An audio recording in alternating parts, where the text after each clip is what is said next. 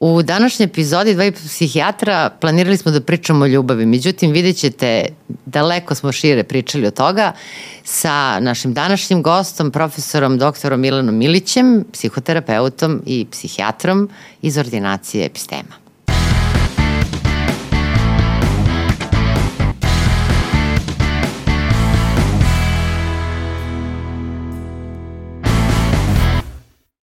Milane, ovaj, tvoj put u psihijatriji je poprilično dug i vrlo, da kažem, onako bogat, jer na tom putu nekako čovek ipak mnogo toga sazna, ili tako, iskustveno pre svega, a nije slučajno što smo te pozvali u dva i po psihijatra, jer nekako uh, u jednom poprilično dobrom broju epizoda smo se dotakli i filozofije. Mm -hmm. I e, kada su nam gosti bili ovde uh, kolega Stefan Jerotić i Janko Nešić koji su pričali o filozofiji i psihijatriji, jedan od komentara je bio da da li bi mi mogli malo da obradimo filoterapiju.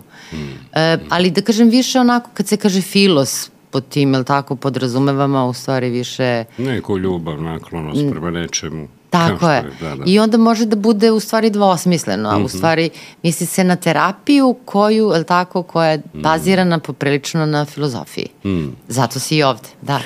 Pa tako je, mislim, mislim da je to generalno a, dobra ideja i dobar put, zato što verujem to smo malo nas dvoje i pričali, e, verujem da su sve velike spoznaje o ljudskoj duši, ali i o ljudskoj prirodi e, potekle iz filozofije. Ipak ona jako dugo traje, šta imamo psihologiju stotinak i nešto godina, ona je operacionalizovala te spoznaje i po meni možda pomalo nepošteno zapostavila izvore, mislim da se ne daje dovoljan kredit tome, tako da generalno filozofija može da pruži mnogo toga. Meni je bar donela nekakva znanja koja nisam mogao da nađem u psihološkim, psihoterapijskim pravcima.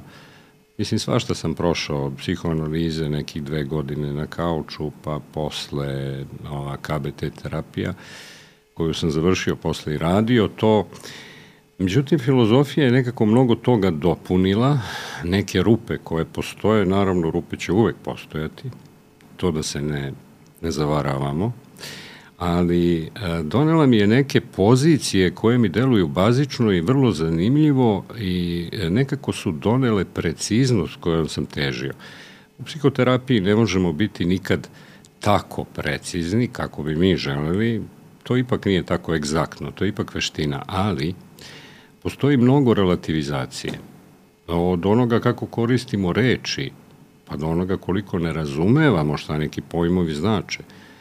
Recimo, verovanje. Verovanje je tema gde se mi stalno spotičemo, a to ćemo se dotaći u priči, da se vratim ponovo na filozofiju, možda kratko, mm, pa ćemo otvoriti dalje priču. Ja sam iz filozofije iscrpeo mm, ili našao mnogo ideja i ja sad radim nešto što je moj samozvani, malo pretenciozno, nenaučni koncept čoveka koji sam pretočio nešto što sam nazvao epistemološka terapija. Ja sad znam da ljudi imaju otpor prema novim pravcima, niču na sve strane, svako danas misli da je ovaj, otkrio nešto veliko, Ali ja zaista ne mislim da sam otkrio. Ja mislim da sam upotrebio postojeća znanja utvrđena u ja bih rekao stotinama i hiljadama godina, to su pre svega filozofski izvori i na sreću medicinsko znanje, kad kažem na sreću, mislim da mi često završavamo medicinu i ja to često kritikujem, od 33 ispita, bar je bilo u moje vreme, u naše vreme, tako nešto. Jedan se bavi dušom. Da, da, da. Pazite. Pazi, Olja, to je nedopustivo. Apsolutno, ovaj, mnogo je asocijacija sada na ovo što si rekao, ali zaista mnogo jer je toliko slojevito. Ovaj, e, pre, vratila bih se onako, da kažem, unazad, pre svega na ovo što si malo pre pomenuo, to je e, nejasno definisanje pojmova. Mm -hmm. Kada su bili e, Janko i Stefan, malo smo se dotakli analitičke filozofije mm -hmm. i nekako asocirao se me u stvari tu najviše na Wittgensteina. Mm -hmm. Koliko je u stvari on kroz taj svoj, jel tako, lingvistički kriticizam mm -hmm. govorio koliko je važno jasno definisati određeni pojam. Mm -hmm. I ukoliko mi koristimo pojmove iz različitih oblasti. Onda možemo u stvari da napravimo velike greške. Mm. I to se recimo dešava u neuronaukama, pogotovo u popularnoj nauci, jel? Kada u nekim popularnim časopisima ili u popularnim emisijama imaju potrebu da kažu, aha, em, ovo je centar za emocije, jel, u mozgu. Ne, ne računajući, jel tako, da govore sa dve, dve terminologije. Mozak, jel tako, jedan materija, mm. onako želatinozna, vrlo, da kažem, složena, jedan univerzum za sebe, koji naravno mi se trudimo da sve više tako spoznamo, a s druge strane jedan koncept psihološki, odnosno filozofski, ako ćemo u širim smislu te reči, emocije, jel? Mm. I onda kako, nemoguće u stvari, ili tako, dve potpuno različita modela tako jednostavno povezivati, jel? Mm.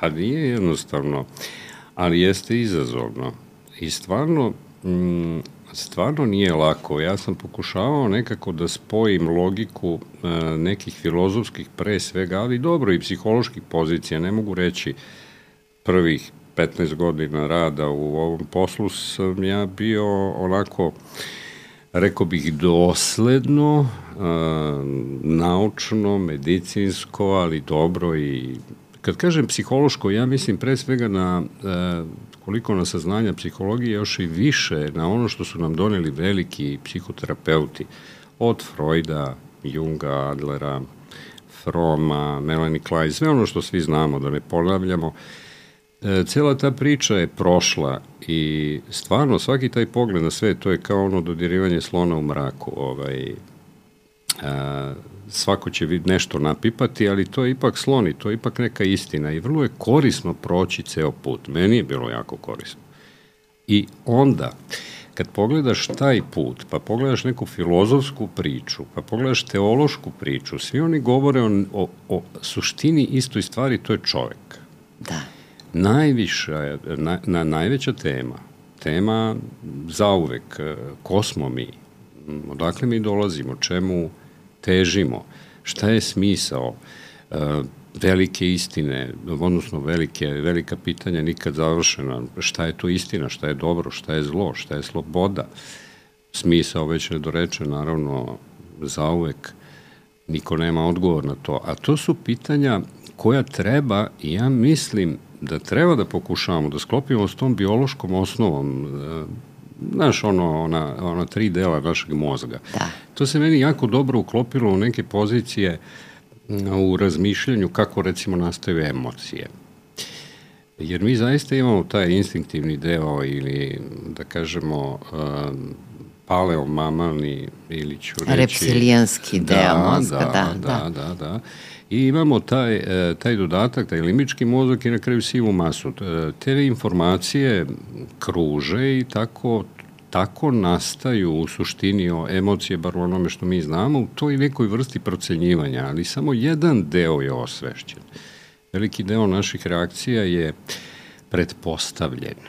I ja kažem, limbički mozak je negde, ako gledamo evoluciono, on je negde nastao mnogo davno. Njegova snaga je enormna. To je nešto drevno u nama. I to ne smemo da zaboravimo.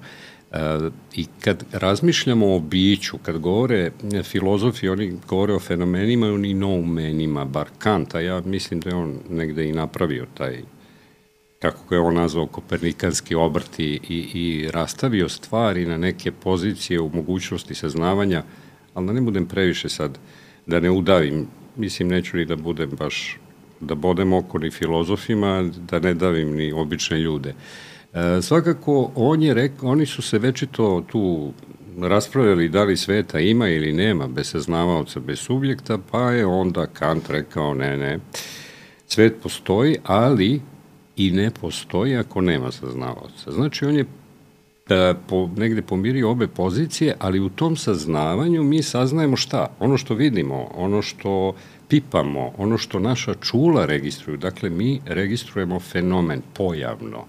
Ono što stoji iza, ono što bi ljudi možda najpre mogli asocirati a, sa onim što je iza Matrixa, u onom čuvenom filmu Film. Matrix, Ovaj, to mi ne možemo, do toga ne možemo i u tome se svi filozofi slažu. Koliko god da su pokušavali i poslednji taj egzistencijalizam koji je otišao u, u pokušaj da, da, da prodre kroz tu e, koprenu koju nam pojava stvara, ne, to nije jednostavno izgleda nama dostupno. Sve u svemu, hoću da kažem, e, te pozicije u saznavanju su meni bile jako važne, jer mi se ovde i vrtimo u filozofiji, oko to, u filozofiji, u psiho, psihoterapiji, oko tog saznavanja istine i nekakvog približavanja istine čoveku, pre svega istine o sebi, ali onda i o svetu, i mogućnosti da on to prihvati. Da. To je najteži deo da, posla. Da. Malo pre si takođe pomenuo, nažalost, na medicini u stvari postoji samo jedan predmet jel, koji se bavi dušom, a to je psihijatrija, a onda je u stvari zaista jedan od dojena, e, da kažem, psihijatrije sa ovog područja, to je Kecmanović, uh mhm. -huh. upravo apostrofirao tako da psihijatrija s jedne strane jeste i prihvata medicinski model I mi kad studente učimo, psihijatriju, mi ih učimo zapravo tom medicinskom modelu, tako? Dakle, postavlja se diagnoza na isti način na koji se postavlja diagnoza bilo ovo recimo u očnima ili internoj medicini ili u hirurgiji, ali da je ipak psihijatrija pored toga, jel, pored tog medicinskog postoji taj humanistički, humanistička ta komponenta o kojoj ti upravo mm -hmm. sada govoriš mm -hmm. i pomenuo si mnogi bitne fenomene, jel tako? Mm -hmm. e, A recimo pitanje smisla, mm. pitanje uopšte čoveka, da li mm. se pita ko sam, mm. odakle dolazim, kuda idem, mm. koliko čovek današnjice u 21. veku uopšte ima vremena da sebi postavlja takva pitanja i šta su posledice ukoliko sebi ne postavljamo dovoljno takva pitanja? Mm, bravo, Olja. Pravo u centar. Pa, mm, Upravo si, naravno, mnogo ljudi ovaj, ne postavlja takva pitanja, ali mislim da to jeste onda problem. E, takva pitanja mi e, moramo postavljati. E, zašto? Pa da bi tražili odgovore. A zašto nam trebaju odgovori? Da bismo negde našu dušu doveli tamo gde e, je njeno mesto. Odnosno, ima jedna izreka, ovaj, sad ja to brkaju mi se imena, svašta čitamo i već smo i ti i ja u nekim godinama mnogo toga je prošlo kroz glavu, ali svakako kažu da se čovjek ne može smiriti dok ne dođe na mesto kojemu porođenju pripada. A to porođenju je baš onako vrlo onako široko treba shvatiti. Ja verujem da smo mi na zadatku, onako kao što je rekao i mislim da je Tolstoj, da je život čoveka u stvari zadatak koji treba završiti i onda se vratiti kući, kao sa obavljenog posla.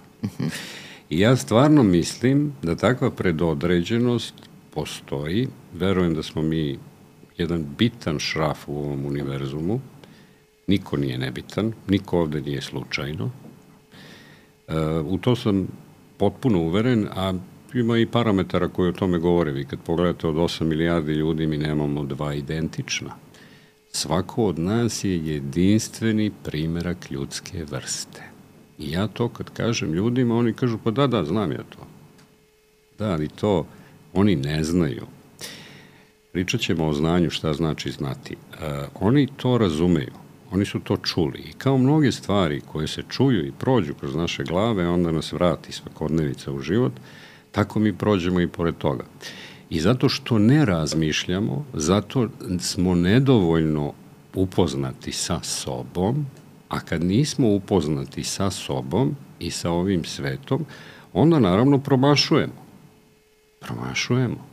Jer vi morate imati, ja kažem, ako imate pravu, da biste na, a, napravili pravu, morate imate dve tačke. Zamislimo da su to tačka A i tačka B.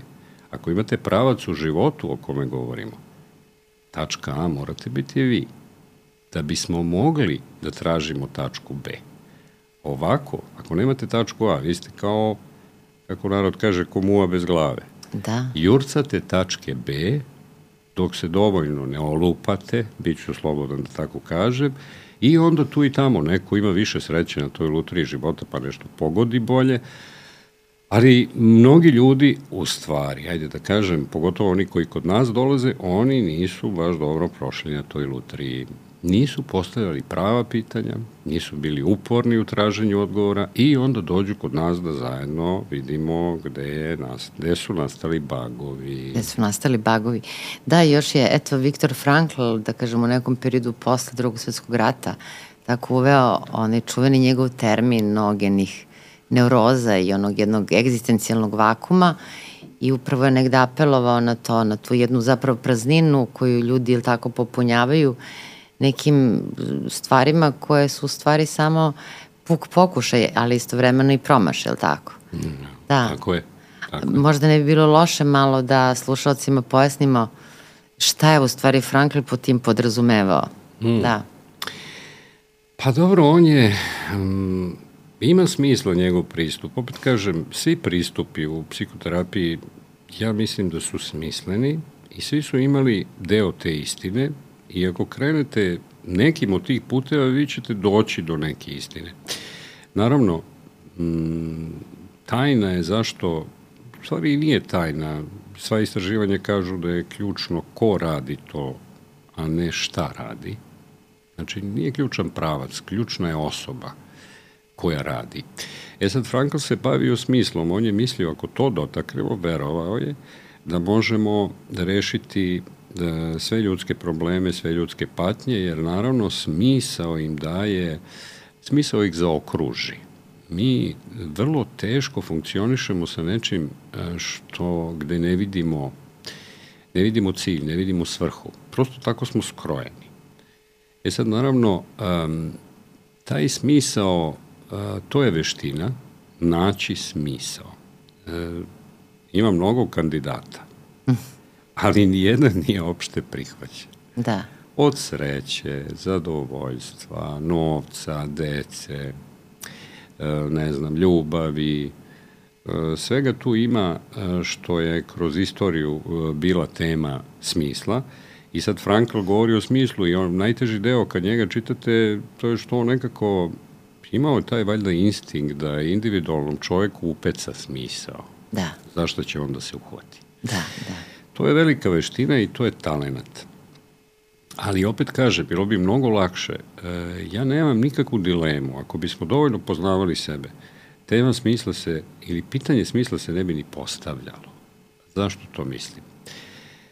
E, sad ne znam da li da te udavim jednim konceptom, ali trudit ću se da budem kratak, time slobodno prekini. Ovaj, ja verujem da smo mi kao bića, kao vrsta, kao, kao stvorenja, živa bića, u suštini jedan skup potreba. Kad pogledaš šta je život, život je kretanje, kretanje nikad ne ide iz nečega što imaš. Tako kažu i stari Grci, postoji ovaj, to neko opšte pravilo, sve opšti zakon, niko ne traži ono što ima. Znači, nešto nemamo. Šta nemamo? Nemamo hranu, pa jedemo, nemamo treba nam vazduh, dišemo. Ali tako i sa dušom. Duša ima neke svoje potrebe. E, mnogi e, psiholozi su pre svega se bavili tom temom i mislim da je najviše u tome uradio Henry Murray. On je nekako u senci Maslova. Maslova je mnogo poznatiji, ali Henry Murray je baš, baš, baš ozbiljno tome pristupio i on je našao recimo da duša ima potrebe za ljubavlju, pripadanjem, sigurnošću, uspehom, postignućem, materijalnim stvarima, redom, znanjem, kreativnošću, e, egzibicionizmom, pokazivanjem sebe, zatim dominacijom e, nad drugima, pokoravanjem, pa onda, ne znam, potrebom da pomažemo drugima, potrebom da tražimo pomoć od drugim, od drugih, potreba za agresijom, vrlo zanimljiva, vrlo važna i vrlo nesvaćena oblast, Uh, I ima još dosta, dosta. On je baš onako razradio taj koncept uh, veoma, sortirao ih u neke razne podele i tako dalje, ali šta je poenta? da se vratim na ovo što sam rekao, temu smisla.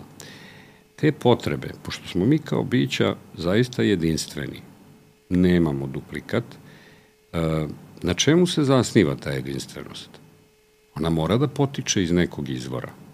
Ona mora da nas na neki način definiše. Šta nas definiše? Ono što radimo. Pa radimo slične stvari. To teško da može biti odrednica. Mora biti nešto dublje. Nešto što je pokretač ili osnova. Možemo, najbož, najbliže bi tome bila genetika, recimo. A, ali to nije preslikana genetika. Kad govorimo o ovome što ću sad ja reći, ja verujem da nas definišu potrebe. One jesu donekle i genetski određene, ali donekle su one i metagenetski nekako kombinovane.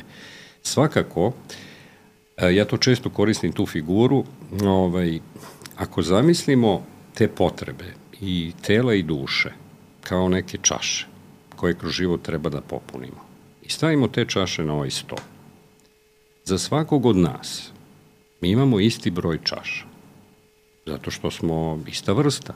Svaka vrsta ima iste potrebe. Potrebe ih definišu, a vidjet ćemo zašto. E, znači, po broju tih čaša mi smo isti.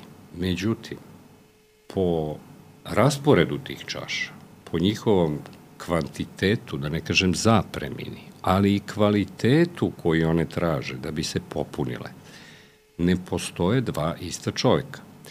E sad vidite, te neke periferne čaše, male čaše, recimo neko ima potrebu za uspehom koji je mali kao mala rakijska čaša, recimo ono čašica za rakiju.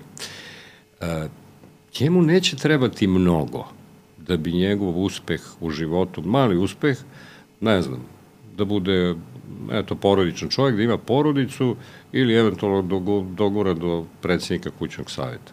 Puna kapa. A nekome je potreba za uspehom pivska ča, ova krigla. I sad, njega neće e, zadovoljiti male stvari. On mora da puca na više. E sad, s obzirom da je dobio tako veliku potrebu, on je morao ako verujemo da postoji neki, neka harmonija, ako verujemo da ovaj univerzum ne funkcioniše na bagovima, on funkcioniše na nekakvoj harmoniji. Znači, svako od nas je opremljen kad dođe na ovaj svet svime što njegove potrebe traže odnosno potencijalima, ali tako, koji će eh, po vremenom onda da se razviju. Ali znaš šta, evo sad slušam te i zamišljam već te čaše, mm, ali tako? I ispred sebe, i ispred drugih mm. ljudi. I onda se pitam zašto i u formalnom predstavljanju, znači kada se ljudi upoznaju, mm -hmm. a i kada nekoga pitaš da definiše sebe, mm -hmm. on sebe definiše pre svega tako što kaže ja sam, mm -hmm. prezime, mm -hmm. jel, ja sam Olivera Vuković, mm -hmm. onda onda obično do duše sada govorim ipak o e, belom, odnosno zap, čoveku zapada, jer mm -hmm. ne mhm. poznajem baš mnogo druge civilizacije. Onda posle toga naravno ide profesija, jel? I treća stvar, to je porodični status. A u stvari ti si sada ispričao mnogo više, je tako? I ti si u stvari definisao, sad kad bi ja razmišljala o svojim čašama, mene na jedan mnogo složeniji način. Mm -hmm. Jel ti to radiš svakodnevno? Da, da, da, da, da. klijentima, da. Da, da, da. Ja u suštini, uh, kako bi ti rekao, ljudi dođu sa nekim problemom, nešto bude povod. Da li su to neke obične krize, ljubavni problemi, usamljenost, problemi na poslu, panični poremećaj, agorafobija, depresije. Uh, to su uglavnom teme s kojima ljudi dolaze kod mene. Međutim, uh, ono što ja njima kažem, to što to sa čime ste vi meni došli, to je jedan, um, kako bi rekao, nije nevažan, ali manje važan deo. Kao vrh ledenog brega? Tačno. Jel? Tačno. Mm -hmm. Upravo tako. To je jedna, uh, ja kažem, uh, magla koja na, koju mi moramo da raščistimo da bismo došli do onoga što nama treba. To su posledice nas posledice u suštini ne zanimaju. To, to je relativno lako zakrpiti i sad imate ljude koji imaju različite ambicije. Ja im uvek kažem, imamo radikalnu varijantu da tražimo tu istinu o vama u kojoj, na, u kojoj moraju da se nalaze razlozi, pravi uzroci. Ja verujem da su pravi uzroci u ovim pomenutim čašama. Jer vidiš, ako neka od tih velikih čaša, ove male čaše nisu tako važne. Taj koji nema veliku potrebu, recimo, za znanjem, on će biti zadovoljan da bude, ne znam, da nešto zna. Ajde, bit će neki majstor, recimo, ili tako, nema neku potrebu da, da širi to neko svoju spoznaju i on će biti okej. Okay. Ali ako obrneš stvari, ako staviš nekoga sa velikom potrebom za znanjem ili kreativnošću, recimo, staviš ga da bude činovnik u banci, pa ta duša vene. I tu spasa, neću reći nema, ali nema ako se ostane na tom mestu. Znači, e, to je ono što ja njima kažem. Mi moramo da tražimo tu istinu. To što ste vi meni došli s paničnim poremećem, to je super. To je opisano u knjigama, svi znamo, danas i ljudi čitaju. I mi imamo metodologiju kojom ćemo mi te posledice sanirati. Malo ćemo lekovi, malo ćemo ići ako treba KBT, neku priču, ali najteži deo posla, sad na vama je, da li hoćete da radite na tome ili ćemo da krpimo kao što mislim, to je legitimna stvar. Legitimna stvar. Niko ne mora da sad, ne znam, pretresa celu kuću. Prebrišemo malo prašinu, uglancamo, zategnemo krevete, život ide. Da, apsolutno. Sve ok priča. Tako je. Ali, ali neko hoće malo više, jel? Od života. Jeste. I onda ja kažem, ja više volim ovu radikalnu verziju, zato što nam ona otvara zaista prostor za neke bitne promene i sad nemojte shvatiti, ne možemo mi praviti čoveka kako mi hoćemo. Čovek nije plastelin. Nema tu toga. To nekad ljudi očekuju. E, to ne postoji. Mi moramo a, da otkrijemo a, koliko možemo dostižnu istinu o toj osobi. Apsolutne istine, ja o njima ne govorim, to da se razumemo dva put crvenim podvučeno. To nije za nas. Ali neke dostižne istine o čoveku, o svetu, tu možemo. I kad dođemo do te, do te neke istine, onda možemo da vidimo šta ćemo s tim. Tu imamo neki okvir, kao što imate dvorište. Imate dvorište, imate ogradu. U tom okviru možete se igrati. Ne možete van tog okvira. Jasno. Jer vas definišu te neke determinističke pozicije vaše genetike, vaših potreba, koje vas prosto nećete imati motor. Jasno. Vi možete želeti šta god, ali nemate motor. Ali sad si me u stvari vratio na ono kad si malo pre rekao šlagvort, pričat ćemo o znanju, jel?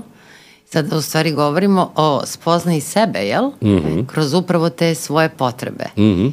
I koliko, ukoliko se jel tako fokusiramo, ako sam ja dobro razumela tvoj pristup, mm -hmm. na neku potrebu koja nam je manje važna, onda mm -hmm. i, i prosto provodimo više vremena, angažujemo se oko toga, mi zanemarujemo u stvari možda delove sebe Tačno. koji su jako, imaju veliki kapacitet, Tačno. a uopšte ne radimo na njime, jel? Tačno i obično mm -hmm. jeste tako. A zašto je tako?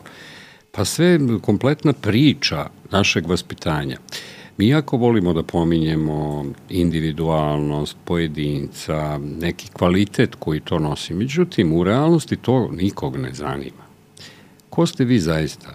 To ako vas ne zanima, druge neće uopšte zanimati. Zašto?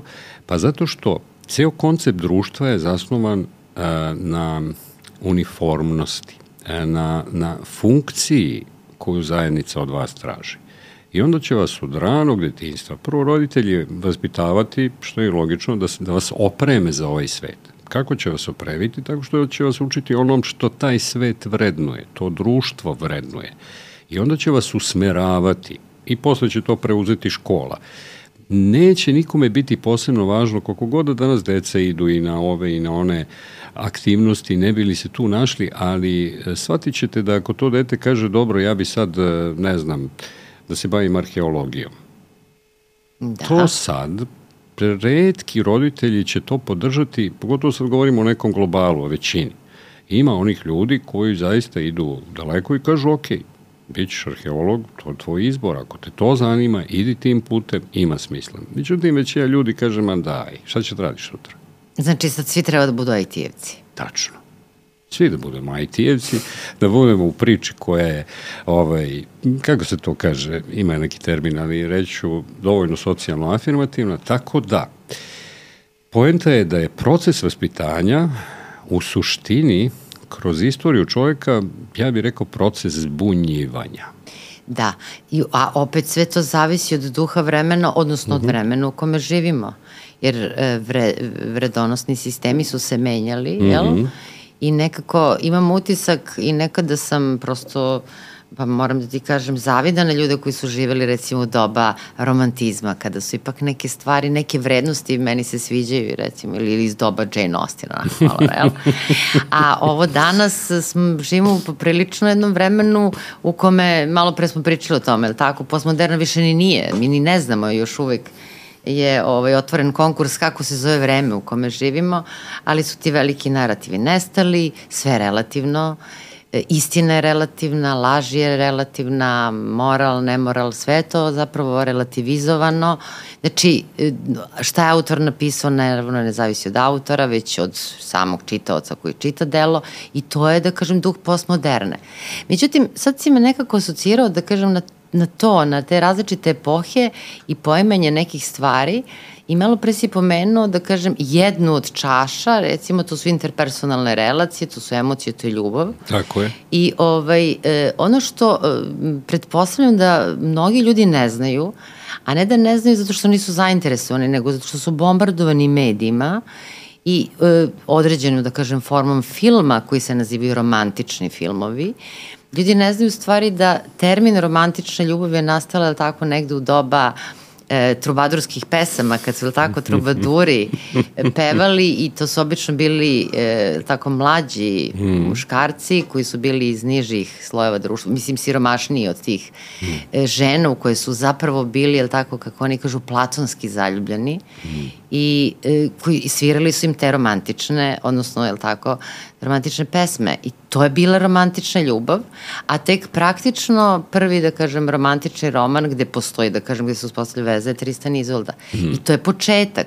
I u stvari, danas kada bismo uradili anketu sad, na primjer, šta je ljudima romantična ljubav, obično bi u stvari rekli da je to nešto što su videli u hollywoodskom filmu. Ne znajući da taj termin nema blage veze, ali tako, sa, sa, sa tim. Do tada ljudi nisu ni znali za pojam romantične ljubavi. Znači, mhm. kao, koliko se stvari zapravo menjaju, da.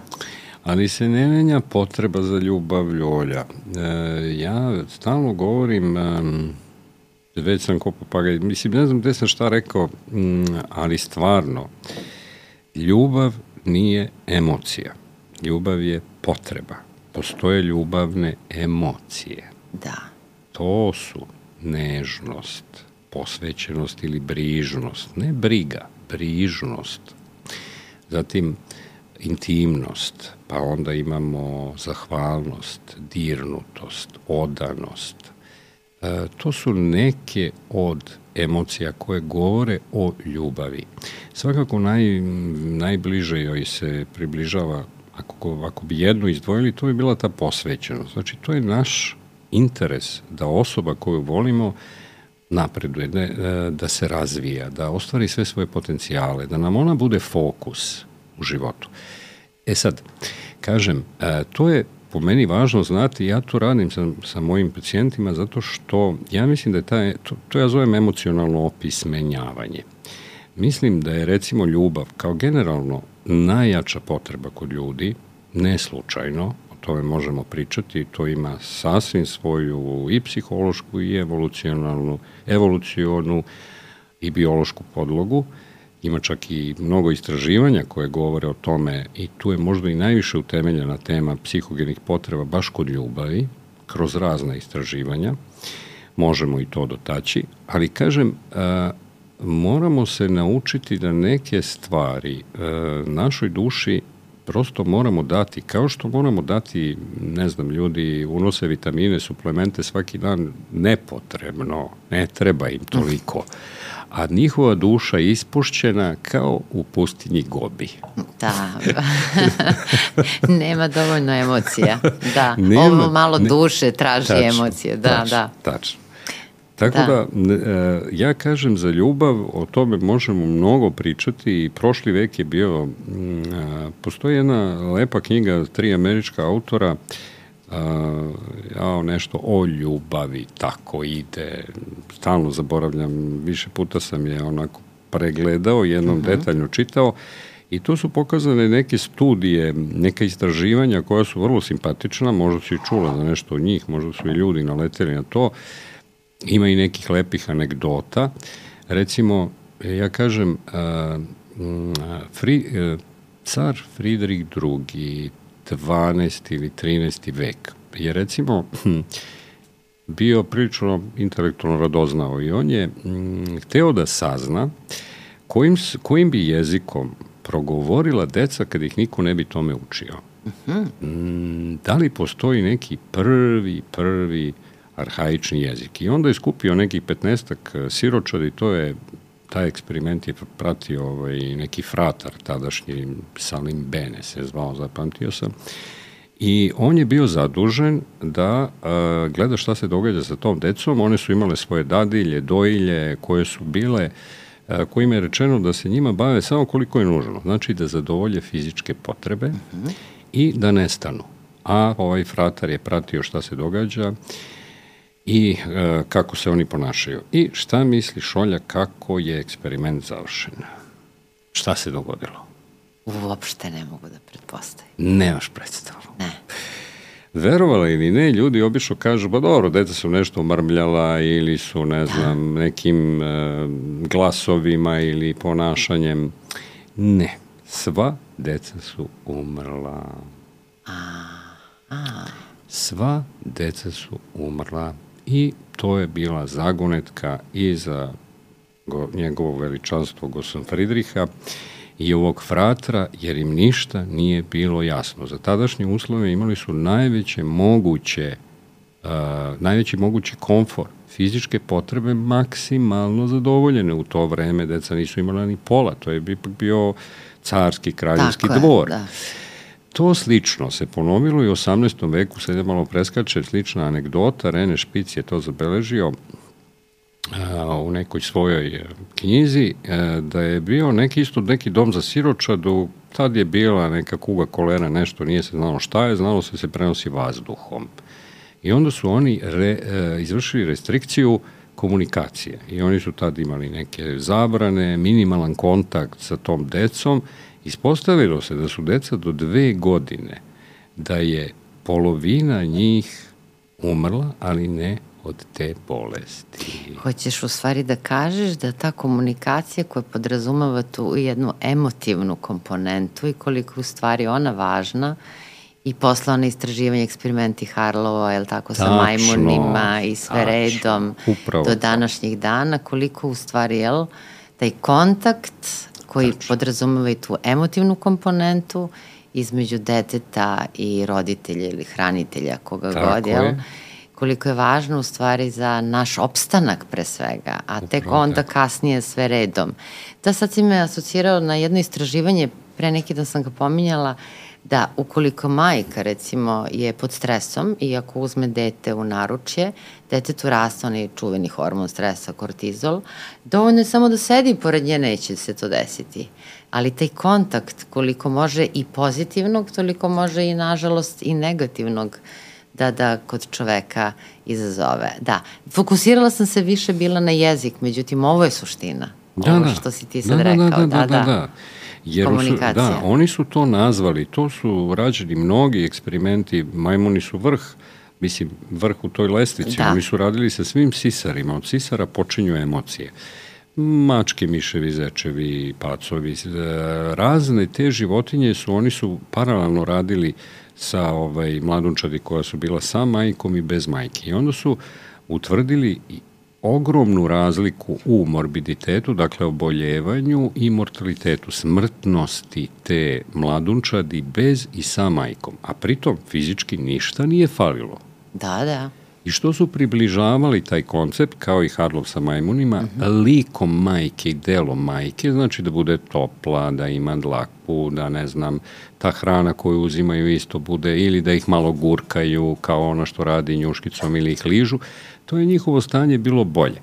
Ali onda su oni merili i parametre, pa su utvrdili, to ide do tog nivoa, da blizina majke, to što si sad rekla, kad majka uzme u naručje, blizina majke utiče, ona služi kao neka vrsta mm, etalona po kojoj se dete, odnosno mladunče, ono reguliše svoj krvni pritisak, ritam rada srca, hormonski status, ritam budnost, spavanje, šta, šta još nisam rekao, sve te neke ritmove fiziološke i onda kad nema stabilizatora, kao što je majka, ovaj, najčešće je majka, može biti drugo, a, a znači neko odrastao, kad nema tog stabilizatora, sistem se potpuno a, destabilizuje. Da, ali mislim da je ovde važno napomenuti nekako uh, u ljudskoj prirodi je da se traži kauzalitet, znači uzrok posledica. Imam utisak, ne mogu naravno da znam baš onako da, i da budem ubeđena 100%, ali da ovde nije reč o kauzalitetu, o uzroku, nego kao da se u stvari sinhronizuju ritmovi, je li tako? između dva ljudska bića, jer mi kao ljudi, mi smo otvoreni sistemi, mi primamo informacije, mi tako, dajemo informacije od sebe, ali u stvari kao da se jednostavno usaglase, jel, ti satovi, biološki satovi između dva da, da, ljudska da, da, bića, da. A ovo malo pre kad si pomenuo ljubav i stvarno si nekako onako dao jednu, jednu bogatu lepezu različitih pojmova, a o svakom od njih možemo da pričamo naravno. E, mislim da je to jako važna tema. Mm. Mi smo se negde mm. emocije dotakli u jednom od mm. podcasta, imali smo opštu temu emocijama, a evo da kažem, danas pričamo o jednoj vrlo specifičnoj. Uh, I e, pomenula sam romantičnu ljubav, naravno ona se tiče partnerskih relacija, ali e, imam utisak da sad sa pojavom selfija, mm -hmm. jel, i mm -hmm. uopšte tom jednom selfie kulturom, mm -hmm. ljudi počinju da se okreću ka sebi, jel, to ogledalo je okrenuto ka sebi. Mislim, ogledalo okrenuto ka sebi može da bude i dobra stvar, Ali Tako nisam je. sigur, mislim, jer tu sad možemo da pričamo i mislim da ne bi mm. bilo loše da malo pojasnimo, jer čovjek može tako posmatrajući sebe da vidi i sobstvenog i prijatelja i neprijatelja i da analizira sebe. Ali da li to selfie radi? Ne, ne. Selfie u stvari predstavlja sebe na način kako će se to dopasti drugima. Odnosno, mi pokušavamo da tim selfijima sebe plasiramo uh, I uglavnom su to neke situacije ili neka doterivanja ili neke atmosfere koje bi drugi smatrao poželjnim. Bilo bi idealno kad bi selfie bio neka vrsta rentgena u našu dušu unazad, pa da mi možemo dotle, ali ne, selfie ja mislim mnogo više skriva nego otkriva. I to e, nije dobro, to ne vodi onome što ja hoću da kažem. E, nama je potreban istinski čovek, ne čovek koji je upakovan u sve te ambalaže koje su, opet, sad kad govori stalno, moramo praviti ograde i pričali smo nas dvoje o toj kritičnosti. Ne možemo reći, ja ne volim, sad mala kratka digresija, ja kad čitam istočnu filozofiju, pa i neke neoistočne priče bile su jako popularne u ono vreme, Ošo recimo. Uh mhm. -huh. On ima jako lepe knjige, vrlo je vrcav čovek, obrazovan, pa i onaj sad guru koga često tamo gledaju. I sad go, a, govorim sad o ovi novi, ne govorim Jasno. sad o Lao Tseu, Konfuciju i onom ostalom. E, to je lepo kad čovek e, čita, ali to nije životno.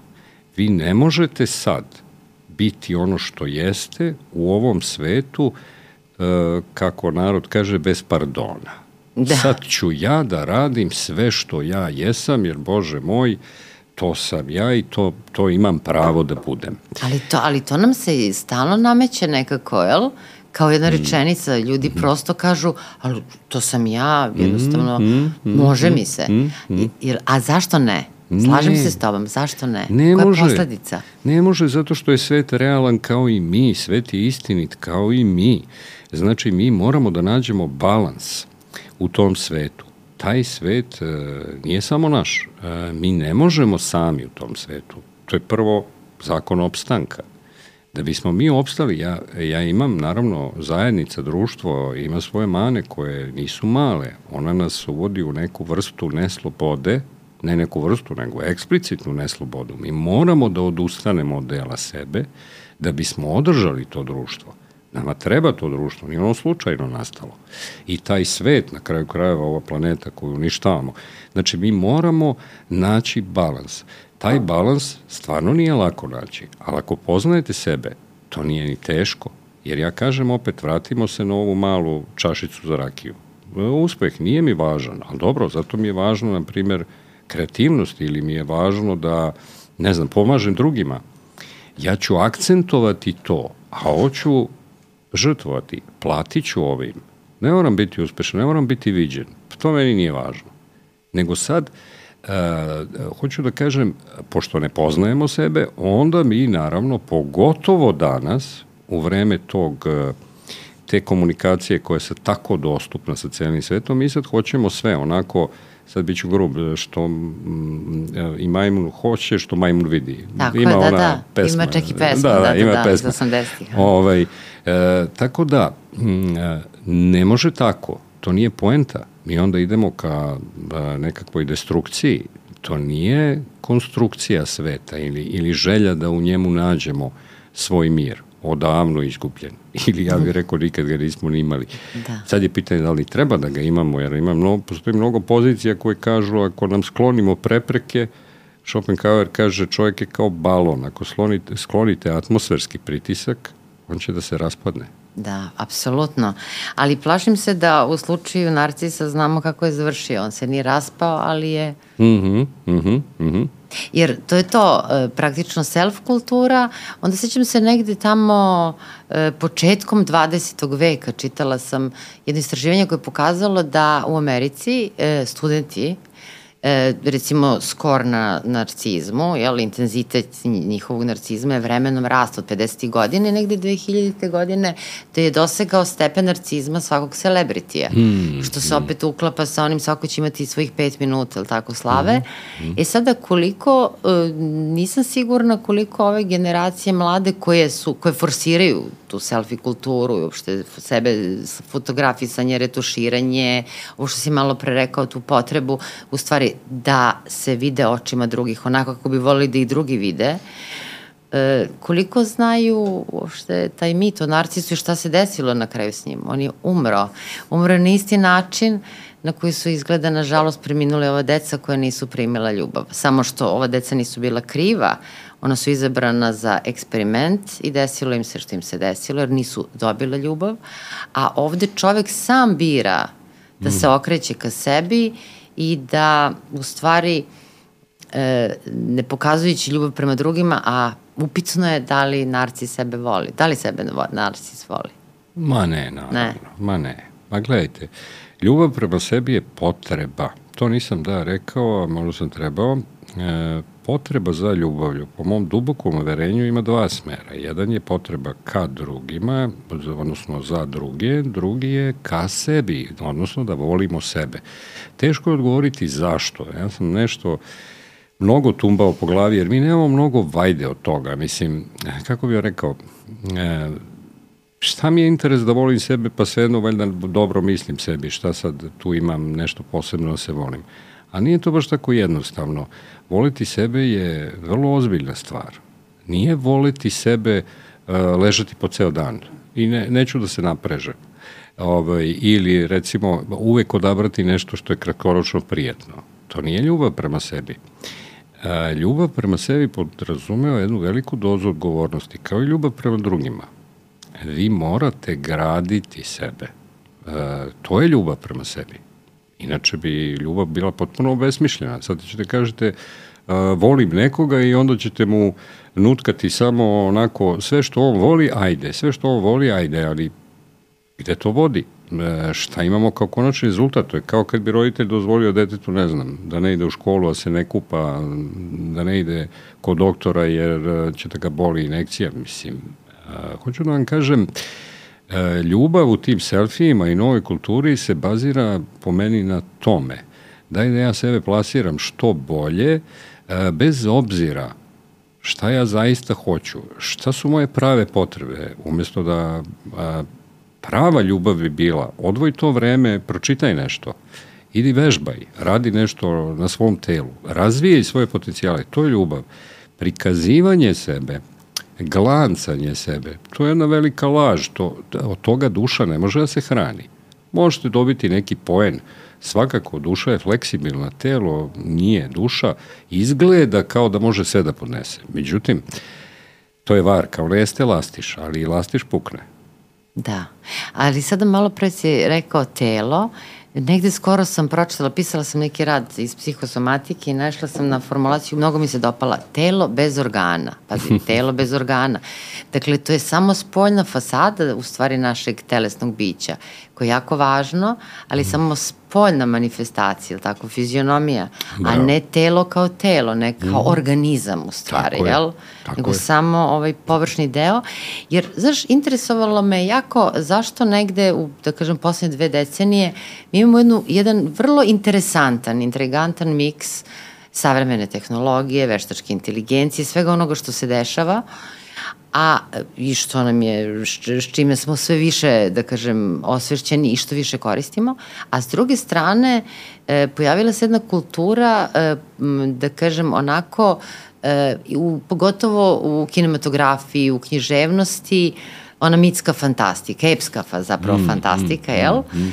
I sad me interesovalo kako je moguće, kako povezati, jel tako, ovaj, ta dva pravca razmišljanja uopšte i pogleda na svet I onda sam našla jedan vrlo interesantan tekst e, koji opisuje popularnost recimo ovih serija koje, koje se bave vampirima.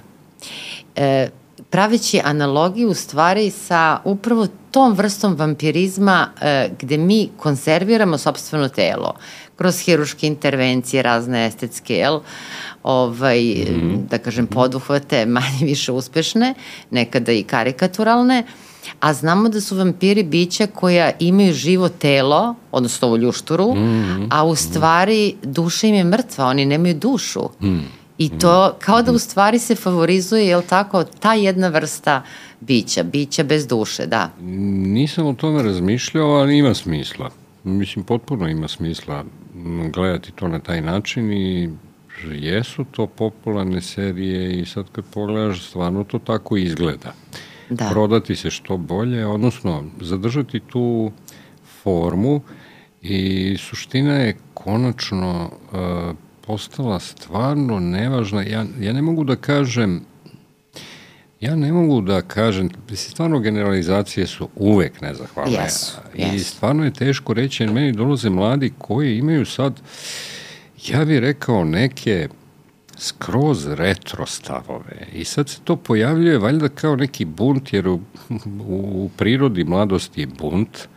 Sad valjda toliko ide jedan, jedan deo uh, te, uh, te, da kažem, tog toka mladosti i mladih ljudi ide ka tome o čemu ti pričaš, a jedan deo se odvaja i ovaj, bukvalno pokazuje otpor do nivoa da oni se sad vraćaju nekim vrednostima Čak uh, vidim da je i seks pre braka, recimo sad za neke od uh, devojaka, momaka, ali to nije nekako primitivno, to, to više deluje kao izbor. Sad, koliko mladi zaista osvešćeno bilo šta biraju, to je diskutabilno. I u svakom vremenu, to je i u našim, u svim u svakom, vremenima, u svim je. vremenima. Tako je. Ali vidim da, pa onda govore o, o vernosti, koju visoko vrednuju, o tom nekom moralnom, o tom odnosu uvažavanja partnera znači sa suprotne strane kao osobe, kao čoveka, ne kao objekta zadovoljenja neke svoje potrebe, nego baš onako jedno uvažavanje, jedna, jedna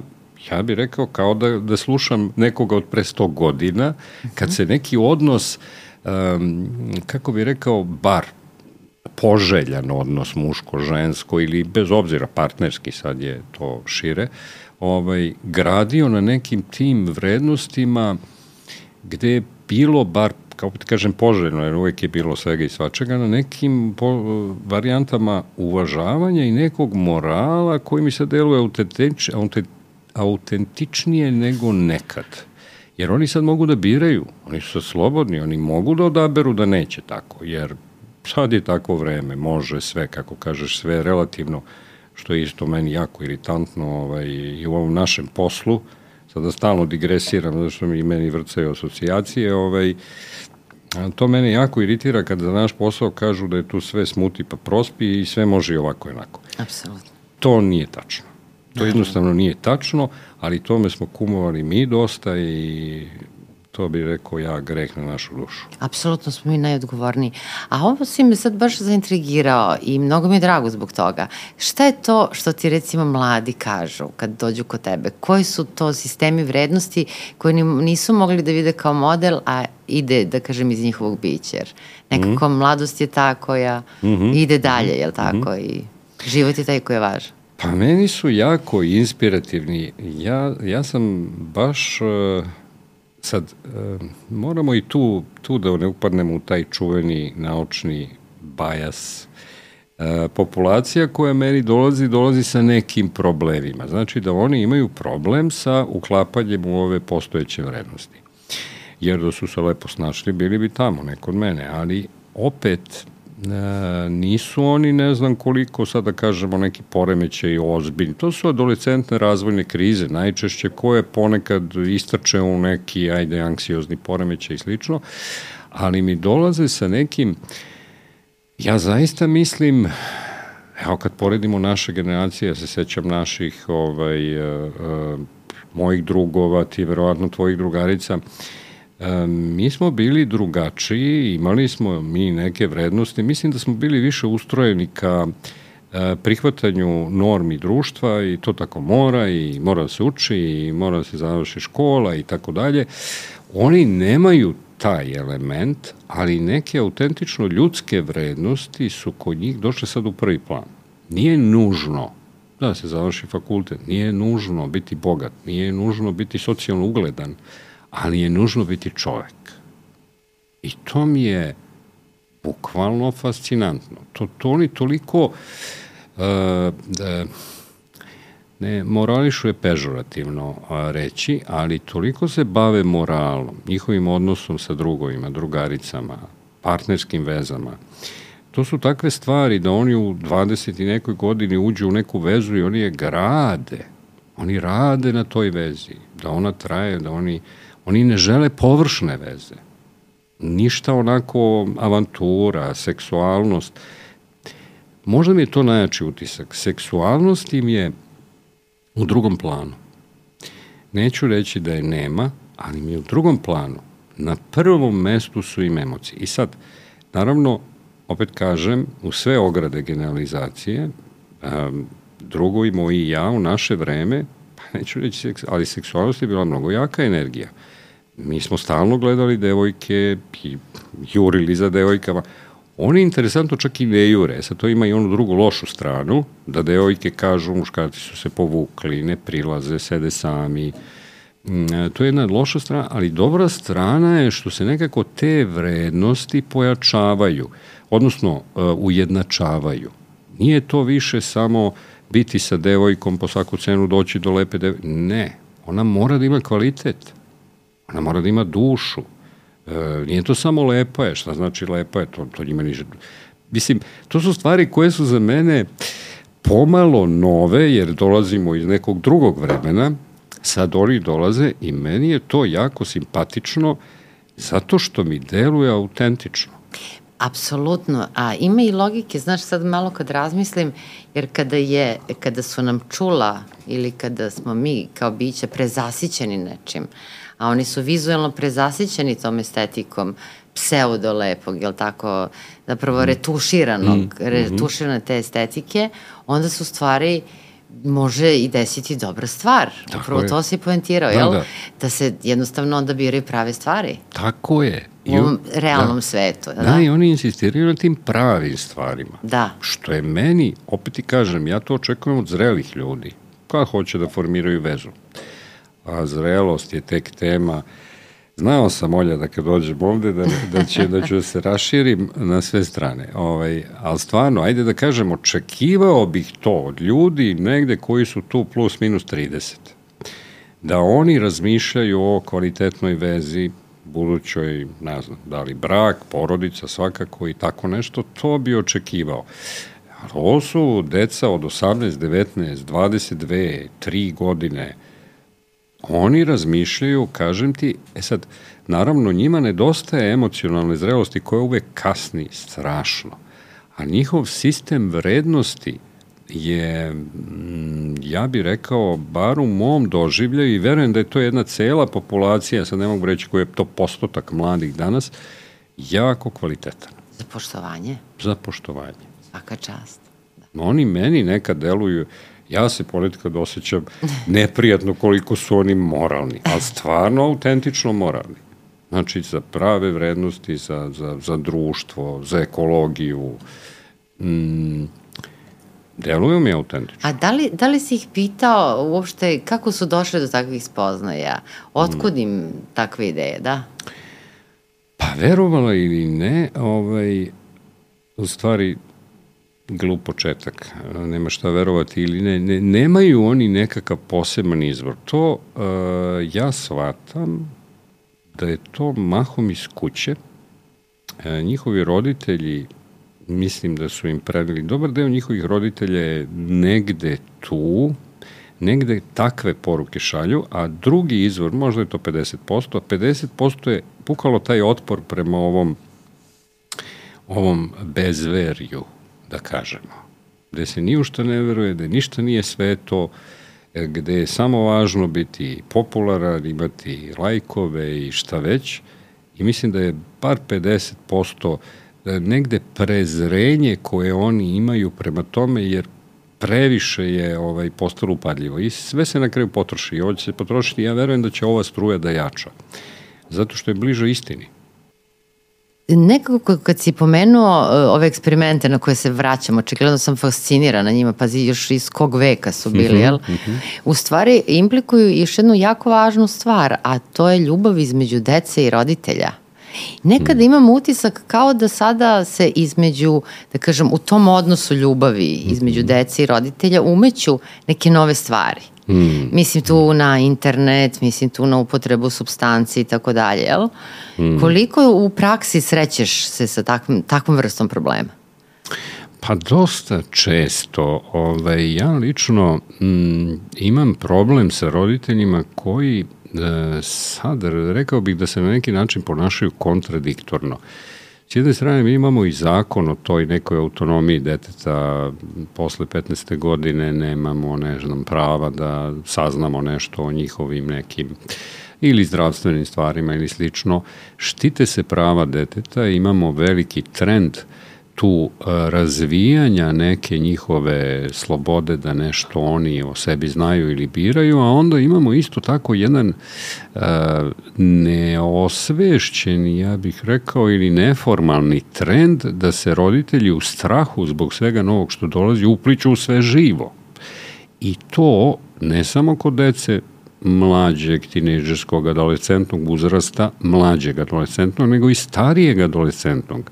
Ja neretko imam slučajeve da devojke, momci od 26, 7, 9, 32, 3, pa i više i starije, znači sve tamo do 35, da imamo upliv velikog uticaja, brige, e, da kažemo, mešanja roditelja u njihove živote, da to ide dotle da, ne znam, roditelj, e, majka, otac zove da zakaže za sina koji ima 34 godine seansu. Mislim, to su sad neki paradoksi i neka kontradiktorna ponašanja i naravno kroz to uplitanje oni neretko u svom strahu prave greške. Odnosno, evo, mm, imamo taj recimo specifičan fenomen tih psihoaktivnih substanci koje su sad ušle na velika vrata poslednjih 20-30 godina od marihuane pa i do nekih drugih droga, od uh, ovog amfetamina, kokaina, sličnih stvari. Naravno da to sve nije dobro, ne, ne, ne, ne treba uopšte, o tome uopšte da pričamo, mislim, suvišno je, ali ajde, moram to reći zarad onoga što ću sad reći, a to je da je to postala uh, kao što smo komentarisali nas dvoje, ovaj, to je postao sad neki, neka zaista inicijacija u svet odraslih kao što je nekad bio alkohol, ono prvi put se, prvi put popio čašu piva sa tatom. Ili, ili nikotin. Ili nikotin, Tako cigarete. Je. Danas su to te neke psihoaktivne substance.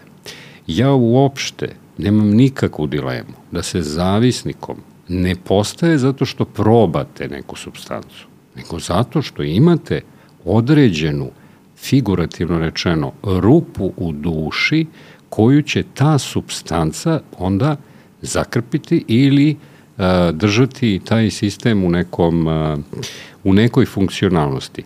To su pokazale razne, naravno i studije, ali i neka, neka zapažanja, anegdote, imate po logorima raznim, mučilištima gde su ljudima davali vrlo ozbiljne droge, onako teške, tipa heroina ili nekih barbiturata u dužem vremenskom periodu.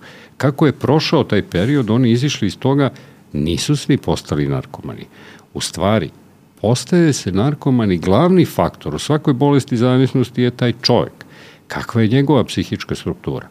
E sad hoću da kažem, kod roditelja postoji jako veliki strah od e, svih tih stvari, od recimo marihuane koja je sad postala ono što su nekad bile cigarete. Ja sad nemojte pogrešno da shvatite, ali to je istina. Mi moramo da živimo u ovoj realnosti.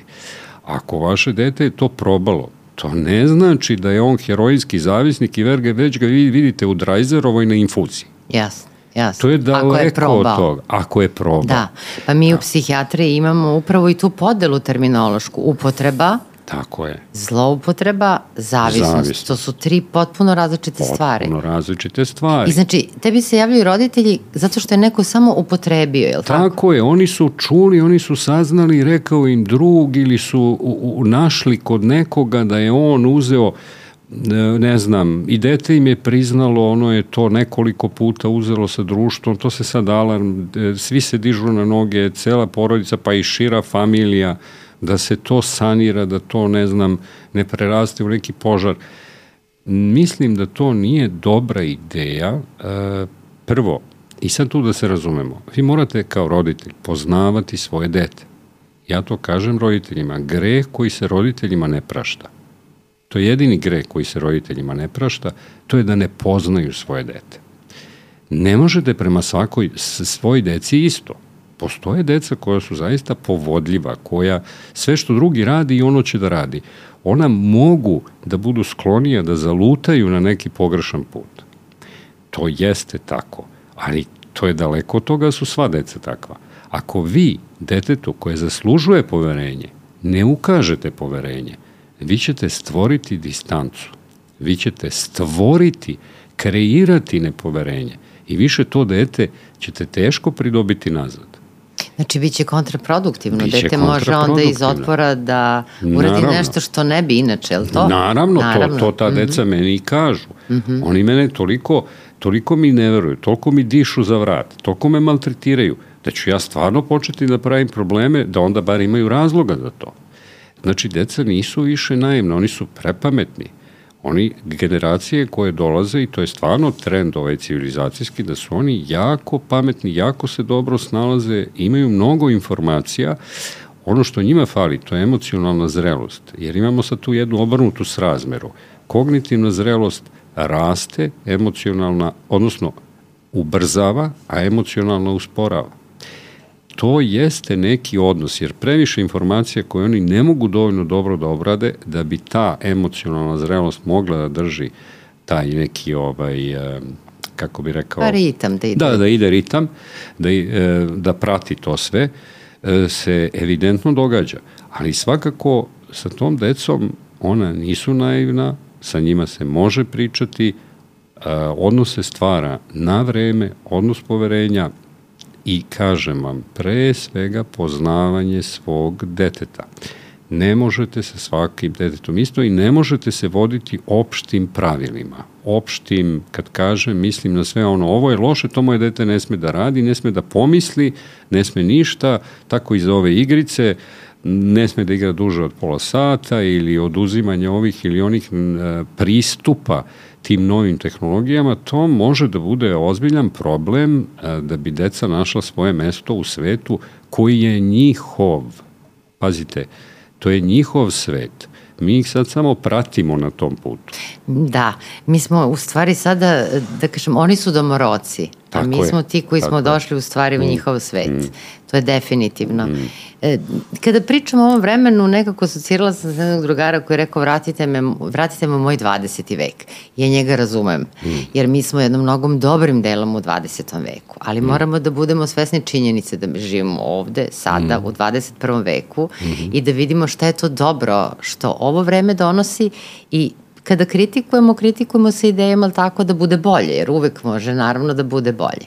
Mm. A ovo što si ti sada govorio, u stvari, jer znamo da je, trebalo bi makar, pogotovo majčinska ljubav da bude, to je, to je jedna od redkih bezuslovnih, ili tako, ljubavi, ako je ona autentična, ako je ona prava, majka će znači prepoznati kod svog deteta, prirodu svog deteta i neće imati problem, bit će sigurna da li je njegov dete samo prosto probalo u kontekstu neke situacije, druženja ili tako, recimo marihuanu, jel? Ili postoji rizik da se razvije problem. Tako je. E sad, da li tu u stvari onda raditi sa detetom, sa majkom ili u stvari treba raditi na odnosu između njih? Pa, uglavnom je to tako. Na kraju to ispadne. Oni pošalju decu, a na kraju neminovno i oni moraju da se oključe, jer taj odnos je jako važan. Ja sam, nažalost, video i viđam dosta dece kojima su onako školski rečeno problem napravili roditelji nepoverenjem, pritiscima, očekivanjima, pravilima. Zašto? U dobroj nameri, čuveno roditeljsko, da napravimo jednog funkcionalnog čoveka. Međutim, opet kažem, roditelji ne moraju da shvate, kao što sam rekao na početku, kao što mi u ovom poslu znamo da ne možete od čoveka praviti sve, nije to ni glina ni plastelin, tek roditelji to trebaju da shvate. Oni imaju određeni materijal, nazovimo to tako, to je to njihovo dete pred njima, oni moraju da upoznaju šta to dete zaista jeste, hoće, može i to da im bude osnovni orijentir, glavni orijentir, ništa van toga, jer sve što krenete po sebi, a ljudi po prirodi kreću po sebi i od sebe, to neće da iziđe na dobro. Kad to kažem, opet sam u generalizaciji, neka deca hendluju, postoje zahvalnije strukture, psihološke, u osnovi njihovoj, njihov sistem je prosto bolje izbalansiran, njihove potrebe nisu sukobljene. To su oni ljudi, kad, kad, kad mi kažemo lak čovek, da. lako je s njim. On može da se prilagodi, da god ga stavite, on nikne. To Takvih ljudi, takvih ljudi ima, ali što imate zahtevnije dete, strastvenije, koje ima nekakve reakcije koje govore o jednom temperamentu koji je vrlo živ, vi jako morate da ga pratite, jer ako napravite uh, taj odnos, uh, taj pritisak, on može da vam uh, pobegne. Da, da, sad si me asocirao na onu staru priču Tomasa i Česa, dece u, u, kao u rešetki, ili tako, mm -hmm. u zatvoru, kada recimo roditelji su po temperamentu, na primjer, introverti, a dete ekstrovert, jel? I onda nastaje problem, jer u stvari roditelji jednostavno više vole da su sami, da su izolovani, ili tako, ekstroverti su ljudi koji su druže ljubivi, vole da su okruženi ljudima ima nesmetani bukani, naprotiv, jel?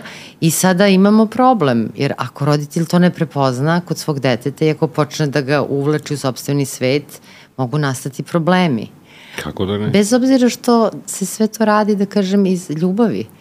U stvari, koliko je fenomen, odnosno pojam toga šta mi podrazumevamo kad sami od sebe krećemo da volimo, jel? Šta mi u stvari po tim podrazumevamo. To me podsjeća na staru priču, sećaš se, uh, to je već, ja mislim, već, da kažem, narodna priča o bračnom paru koji je, ne znam, slavio 50 godina na zlatnu jel, mm -hmm. godišnicu i onda je, su priznali jedno drugome, a to je da on je uvek davao koricu hleba, zato što je on više voleo koricu hleba, a ona njemu davala sredinu eh, on, zato što je mislila da Da on, on više voli Da, a u stvari ona više volela. I oni su 50 godina jedno drugome davali ono što ovaj drugi ne voli, jer su kretali od sebe. Znači, koliko u stvari u ljubavi je, nije važno tako da krećemo hmm. od sobstvene potrebe, a to se u stvari dešava, jel? Da, da. Nego od potrebe onog drugog. Ali tu nam je potrebna ta jedna emocionalna ili emotivna inteligencija. To prepoznavanje emocije i potrebe drugoga. Bravo. Je li to nešto što ti radiš, da kažem ovako u praksi? Da, da, da, na tome ja veoma insistiram, zato što uh, ja kažem u čoveku, evo Olja, kad bi ja tebe pitao, šta u čoveku ne laže? Reč, delo ili emocija? Po tri. Po tri. Tačno, Olja. Tačno vidi se da smo profesionalci. da. ovaj, mnogi pogreše i kažu to je delo. Ajde, svi znaju da reči mogu da lažu, ali kao delo ne laže. Međutim, mm. zamislimo se malo bolje. Neko može svašta da vam čini, da vam donosi cveće, da vam ugađa, da vas vozi tamo ovamo. Uh, ali u suštini može imati potpuno drugačiji interes i može vam iza leđa praviti razne spletke. E sad, emocije jedino ne lažu. A ne lažu zato što mi emocije ne možemo kreirati po našoj volji. One se stvaraju, mi možemo, čak i najbolji glumci, po tome ih i razlikujemo, kad dobro glume, oni u stvari žive taj lik. Dakle, na neki način oni ne lažu. I što su bolje i bliže tome, oni su nama uverljiviji, jer nam prenose tu emociju. Da. E sad, kako mi to uočavamo? Empatski, uosećavanjem. Znači, ne, ljudi misle empatija je samo sažaljenje. Ne, ne empatija je naše, naša komunikacija na tom emocionalnom nivou koji donosi u suštini najveću težinu našim interpersonalnim porukama. Jer ja, vi možete reći dobar dan na 10, 15 načina, dobar glumac, vrlo uverljivo može reći mrzovoljno dobar dan, može reći dobar dan, može reći dobar dan. Ima raznih načina da istu stvar kažete. 90% poruke vi prenosite neverbalno. A šta je to neverbalno? Pa to je ta emocija u vama. Kako se vi osjećate, vi takvu poruku šaljete. I mi imamo rezonator za te poruke. Mi imamo urođeno rađamo se sa poznavanjem tog jezika.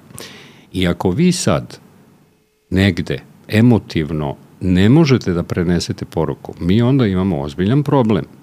Jer još je, ja kažem, Marks mora da je bio ipak veliki um, jer on je u svojim ranim radovima, to sam citirao u jednoj od svojih knjiga, rekao, parafraziraću, ako vaša ljubav ne proizvodi ljubav, ako ono ako vi kad volite uh, ne dobijate uh, povratnu da je to, da, da, da taj neko to osjeća, onda to nije ljubav, to je nesreća. Da.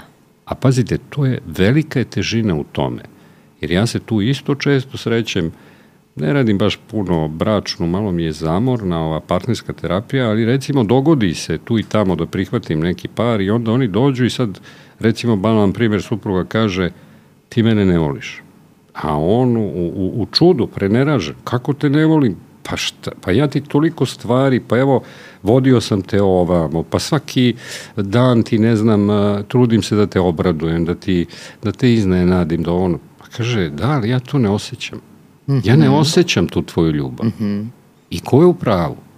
Ko je u pravu? Vi kad kažete tom čovjeku, on, on je u šoku, kako je moguće? Pa, ali on je ubeđen da on nju voli ali on nju ne osluškuje. Ne možete vi, empatski osluškuje, vi ne možete nekog voleti ako ga ne poznajete. A da biste ga poznavali, vi morate da imate empatski odnos, vi morate uosećavati. Ne možete nekom ko želi da dobije cvet kupiti knjigu i obrnuto.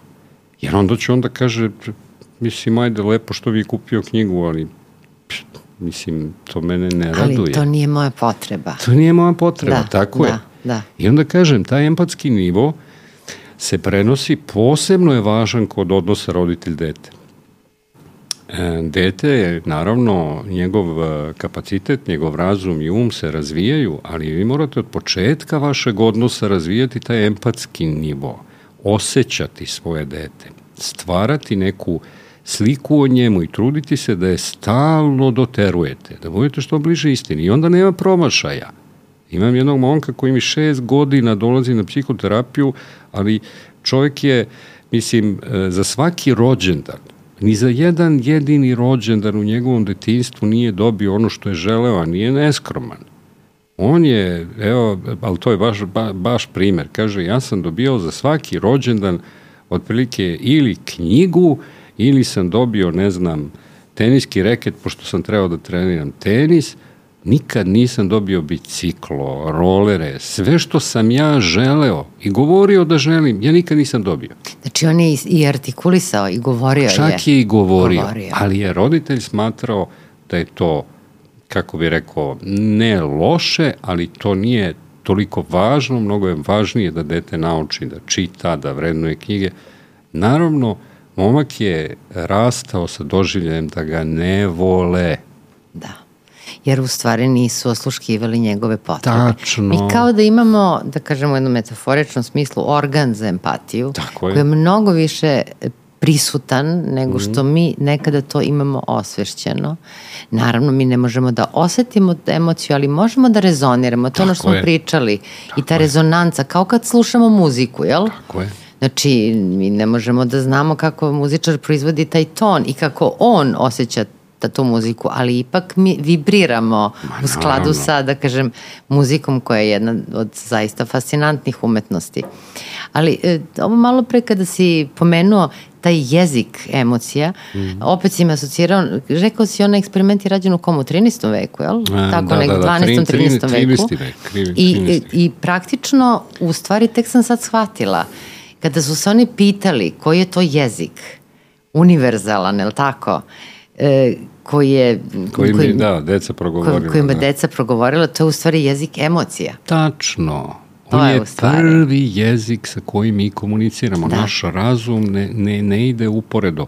Mi se rađamo sa tim, a to je sad povezano i sa temom ljubavi, ali svakako emocije su naš prvi orijentir. To je drevno u nama, to je limbički mozak. Ovo ostalo je došlo posle, zato nažalost naš razum nema toliku snagu Ja kažem, ljudi misle glava nešto odlučuje. Pazite, da se glava zaista pita, to što narod zove glava, filozofi dele na razum i uma, mi to zovemo centralni nervni sistem ili siva masa, e, da glava odlučuje, pa mi ne bi imali skoro nikakvih problema na ovom svetu. Zašto? Pa razmislite sami, sve poruke, tipa od najmanjih, ono, perite ruke, učite, budite fini, vaspitani, ne činite loše, čuvajte planetu, trudite se da razvijate svoje potencijale, uvažajte drugo i uvažit će on vas. Ko bi imao problema?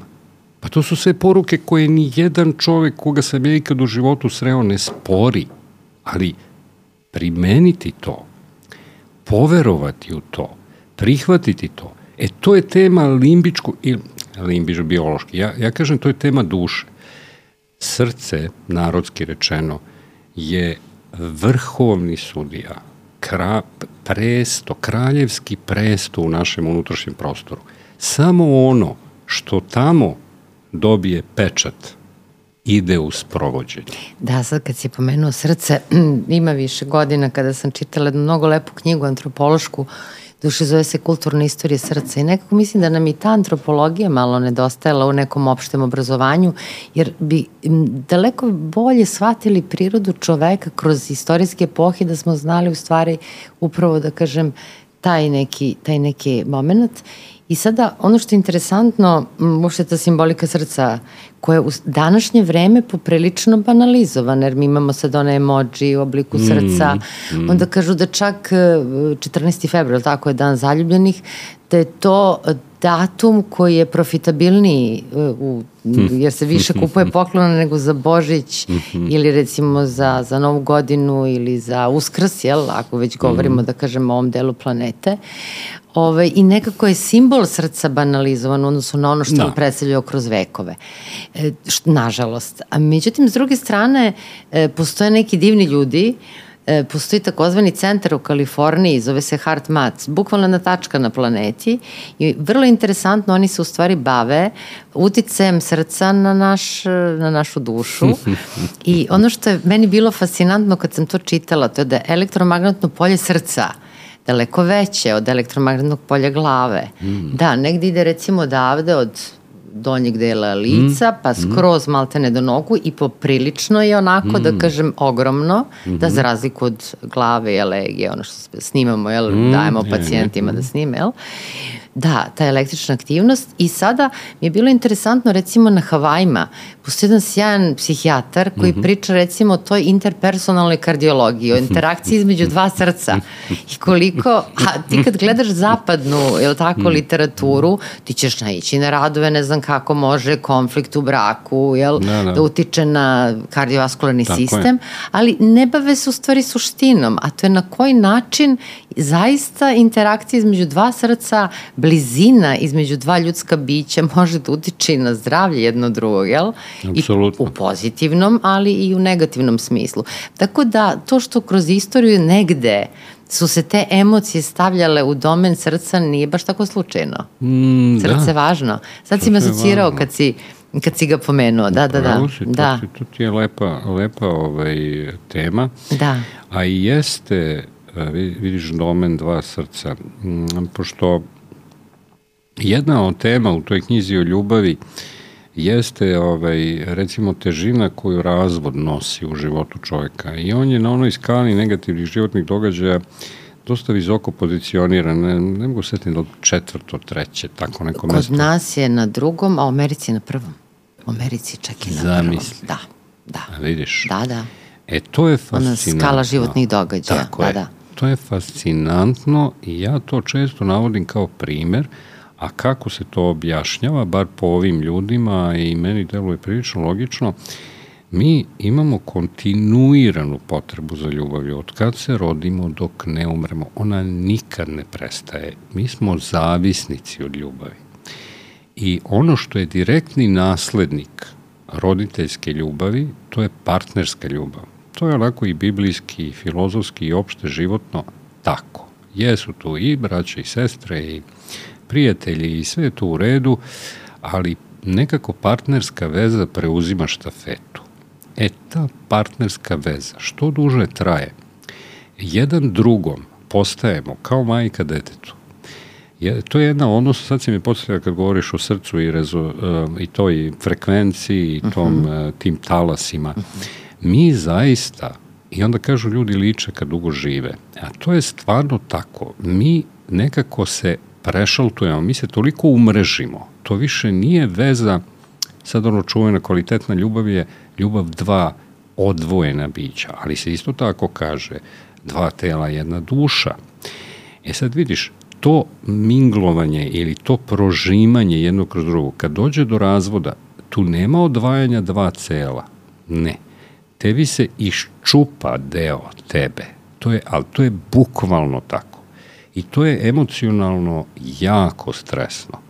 A sve se tiče te naše potrebe za ljubavlju i tim rezoniranjem, ti, tom razmenom u kojoj se mi nekako, kao da se onako, kako bi rekao, uklapamo ili, ili ulazimo jedni u druge. I to je dosta važno za znati, e, baš zbog toga što ja stalno govorim ljudima da e, ako ljubav funkcioniše, ako ste vi emotivno ispunjeni, ljubavno ispunjeni, ako je vaša potreba za ljubavlju na nivou dovoljnog, pošto ja razlikujem bazično, dovoljno i optimalno, bazično je tek ono da kaže, pa toga ima dosta, onako, neko me voli, ne čini mi štetu. Dovoljno je kad to osjećam, a optimalno je kad cvetam, kad onako razvijam pun potencijal. E ako je bar dovoljno, taj mentalni sistem Ja sam potpuno uveren, evo ja to govorim iz svog iskustva, ne moram dokazivati, niti tvrdim da je naučna istina. Ja nisam sreo ljub, e, čoveka koji je e, narod kaže emotivno, ja kažem čija je potreba za ljubav je zadovoljena, a da njegov sistem ozbiljno baguje. Znači, ko je na tom ljubavnom terenu, na svom mestu, to je ugaoni kamen našeg mentalnog prostora. Ako je tu stvar potaman, ostalo može i da škripi. Ako tu nije, sve drugo mora da bude skoro idealno, da bi sistem gurao.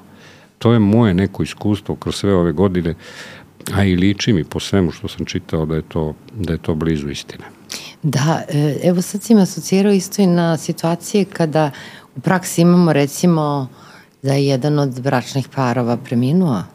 I upravo onaj koji, koji živi, koji dolazi, koji prolazi kroz rad tuge, ili koji tuguje, uvijek govori o tom jednom delu svog partnera koji je deo njega. Mm. Da. Mm. Ili mm. ako nema to osvrćeno, kada mu osvestimo, prosto se osjeti dobro. Mm. Prosto nekako mu prija, jel?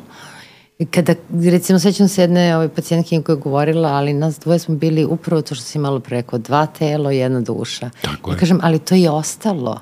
To je to, to je dalje u vama. To nije nestalo Tako njegovim je. fizičkim nestajanjem. I koliko, nekako to pomaže ljudima kad to osveste, da, da, da su ipak uh, ovaj, oni postali kroz taj odnos druga bića, jel? Tako je. I sada ta zrela ljubav nekako je dobra, kvalitetna, jel? Mladost je lepa, mladost je snažna, ali mladost je mnogo teška.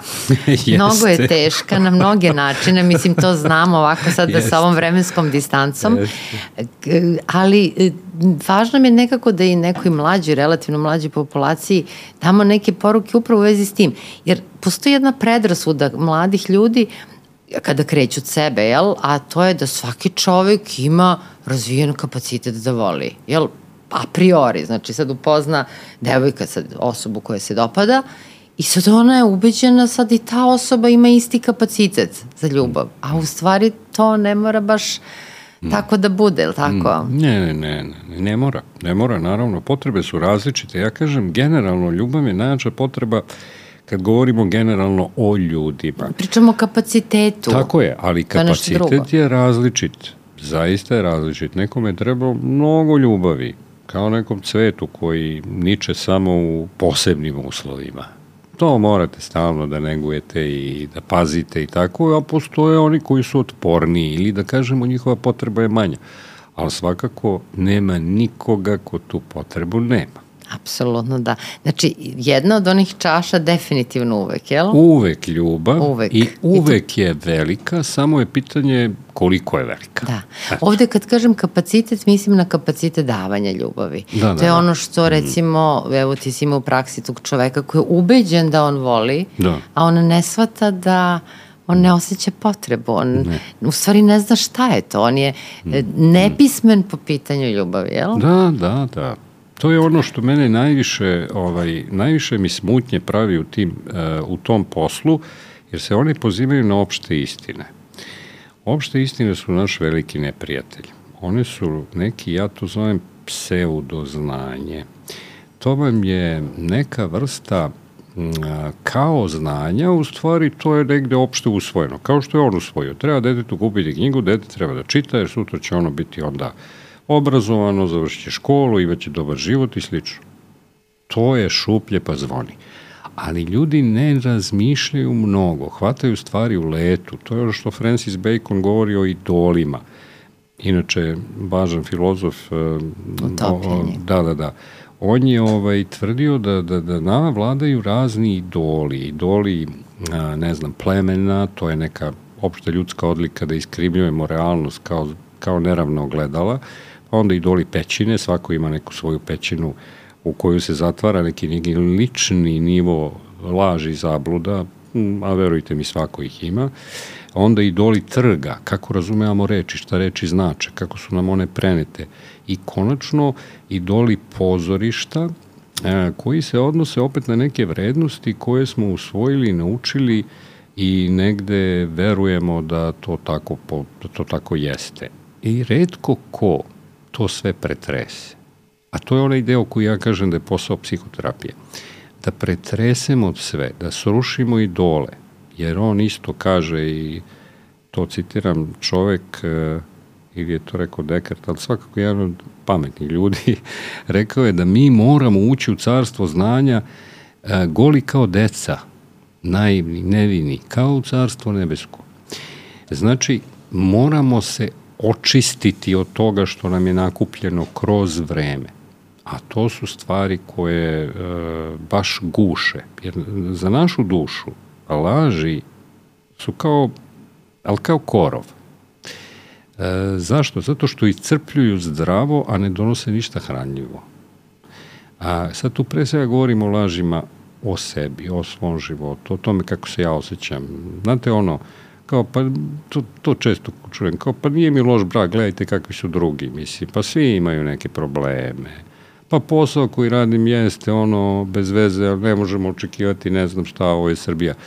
Ima tu istine, ali to su opšte istine. Gde ste vi tu? Jel vi možete? Jel možete vi tu da živite? Evo skoro mi jedna devojka, ali dobro, ona je na putu promene. Pet godina radi posao koji je ekstra super, dobila preko veze, to je neka državna firma, neću sad da pominjem, ovaj, velika plata, ništa ne radi. I svi kažu, pa tebi je fantastično, ima platu 1000 evra, dođe na posao, ne znam, gleda u plafon, igre, igrice. Šta ti fali? Ona kaže, ja umirem. Ja umirem. Da. I ona pet godina nema hrabrosti da iziđe iz te priče, ili ajde da kažemo, pa ja bih rekao hrabrosti, a imam i za hrabrost definiciju koja nije mhm. baš nešto što ljudi misle da jeste hrabrost uobičajeno, svakako nema hrabrosti da iziđe iz toga. Gotovo, uguši se. I onda je i došla kod mene. Da? Pa, apsolutno i jasno je zašto je došla kod tebe, zato što je duša pati, jer e, onako kada neko sa strane čuje, sad, pazi, rekao bi, pošto je fali, ona dolazi, ne mora ništa da radi, dobije platu, Tačno. a mi kao psihijatri znamo za onaj tako fenomen praznog stola, Tako je. koji je stres podjednak koliko ide kad je sto prepun. Prepun. Jasno. Dakle, to je ozbiljan stresor i ozbiljna patnja. Da. A kako definišeš hrabrost? ja sam našao neku svoju definiciju, pošto kad sam pisao ove neke svoje te knjižice, mada neki kažu da su debele, iako knjige nisu debele, pa bi se žalio ovaj izdavač da su debele, da to narod neće kupi, niko neće čita debele knjige.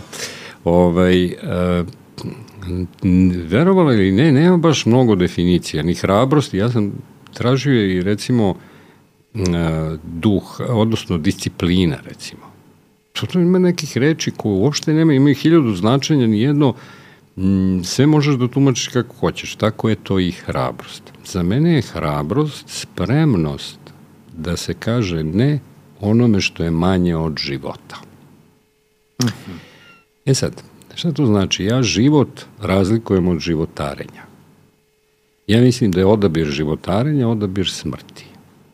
A odabir života to je ono, pa makar i vodilo, a to pokazuje istorija čovjeka, u nešto što liči ili jeste fizička smrt, kao što su mnogi junaci i svi oni kojima se divimo kroz istoriju. Mladi oni su, umrli. Mladi umrli, oni su birali život. A bili život. hrabri. Tačno. I zato ja kažem, sve što je manje od života, a šta je manje od života? Ono što, uh, ono što ugrožava vaše biće, one važne potrebe, onaj vaš dominantni kod, to mi zovemo u psihijatriji lični domen. Neke stvari koje su nama važne, ključne, da bi naša duša mogla da živi, da diše. E to, to mora da se brani bez obzira na cenu. A da li čovjek mora da bude hrabar da bi mogao da voli drugo biće? Opa, to svakako. To svakako, zato što mi moramo da premostimo. To je, to je velika i filozofska i psihološka dobro, teološki nije, pošto je teologija dogma, ona vam kaže to treba da radite, ali kad promišljate prevazilaženje barijere, tu se često lome koplja. To je možda najveći test kroz koji čovek kao psihološko biće prolazi. Test prevazilaženja svog, ha, da kažemo, egoizma. Mada da. ja tu egoizam shvatam na razne načine, da, ali misliš, mislimo ne misliš na samo ovaj... negativno, da, da, da, da, da, da. E, u tom kontekstu. -hmm. Ali to jeste kad mi pređemo granicu, otvorimo dušu, otvorimo vrata. To je ono nešto što nama nije baš, uh, nije lako. Da, znači, hrabrost negde može da podrazumeva da čovjek, žargonski rečeno, ima petlje. Mm -hmm. Ima petlje prema životu, prema ljubavi, prema da bude otvoren, je li tako? Tako je, ali moramo razlikovati hrabrost i ono što opet čujemo ludost, da. odnosno, ja uvek kažem, nema, nema, ne možete vi biti hrabri ako, uh, ako uh, sad možda zvuči preako ako niste pametni. I nema hrabrosti bez pameti. A pamet ovde ne mislim da morate imati IQ 150, nego da poznajete sebe, da dobro osmotrite sebe u ovom svetu i da odredite te svoje granice. Granice sobstvene, da, kapacitete. Tako je, tako da, je, jer ne možete vi uvek, nekad je povlačenje hrabrost. Nije uvek borba hrabrost. nekad se treba povući na manje važnim stvarima. E, to su isto ovaj, stvari o kojima um, to sam isto čini, mi se divimo nekakvim velikim, da kažem, činovima, ajde, Milošu Obiliću ili slično, tako nekim likovima, herojima, odnosno junacima koji su ostali negde zabeleženi, ali onaj mali čovek, mali čovek, mi, ajde, smrtnici koji živimo svaki dan i borimo se svaki dan sa tim životom, to je i tekako hrabrost. I tekako hrabrost kad se povučete, kad nemate bolju opciju u ovom realnom svetu, kad prihvatite neke parametre, neka pravila i to je hrabrost. Jer vi morate da trpite nešto. Vi ulazite u neki izbor, ali je bitno da ne pređete crvene linije. Da. E, da. to je to, balans. Znate, kad kažemo balans, sredina je zlatna, to niko ne voli da čuje. Zato što je vrlo teško doći Tačno. do te sredine. Tačno. Jel, to, taj zlatni presek pa naći sa tu tačku. Yes. Ali ono što je, da kažem, meni interesantno, kada govorimo o emociji o kojoj smo se predelili danas da govorimo, ona naravno postoji i u domenu prijateljstava, jel? Mm -hmm. Da ne širimo sad ljubav prema nečemu, jel? Konkretno može da bude ljubav prema mm -hmm. nauci, prema psihijatriji, filozofiji mm -hmm. takođe, jel? Sve to jeste taj filos jeste. koji smo pomenuli na početku. E, e sada u tim interpersonalnim odnosima nekako m, ljudi su definisali pre svega primarne relacije, jel? Poro, da. porodične, pogotovo tako nekim onim prvobitnim zajednicama ili mm. plemenske konekcije. Mm -hmm. E sada urbanizacija dovela do sve više sekundarnih tih relacija, jel tako, sa prijateljima, kolegama, poznanicima, a onda sada uplivom u ovaj virtualni svet, koji postaje, da kažem, paralelno sa realnim i podjednako realan sa realnim, jel? Mm. Sve više imamo te tercijarne relacije, površne kontakte, čak oni počinju nekada i da predominiraju u smislu vremena posvećenog tim tercijarnim komunikacijama, jel?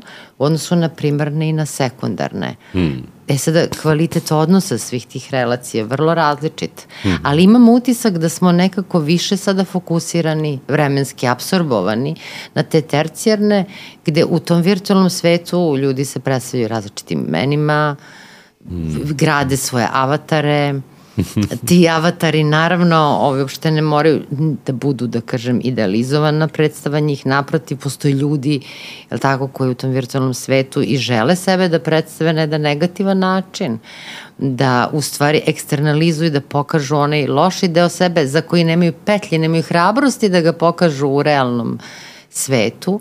I sada mi tu ulazimo u interakciji. Svi smo tu, da kažem, nekako uh, nevini, u smislu ne, nepoznat nam je teren. Tek treba da ga upoznamo da bi znali kako u njemu da se ponašamo. Mm, da. Pa I kakva je tu sada da kažem, koliko, sad pitanje koje se sve više postavlja, to je koliko je sve to realno? Mm ja moram da evo da ti kažem da sam pristalica onoga da je realno podjednako koliko i ovaj e, negde da kažem ovaj realni svet. Zašto?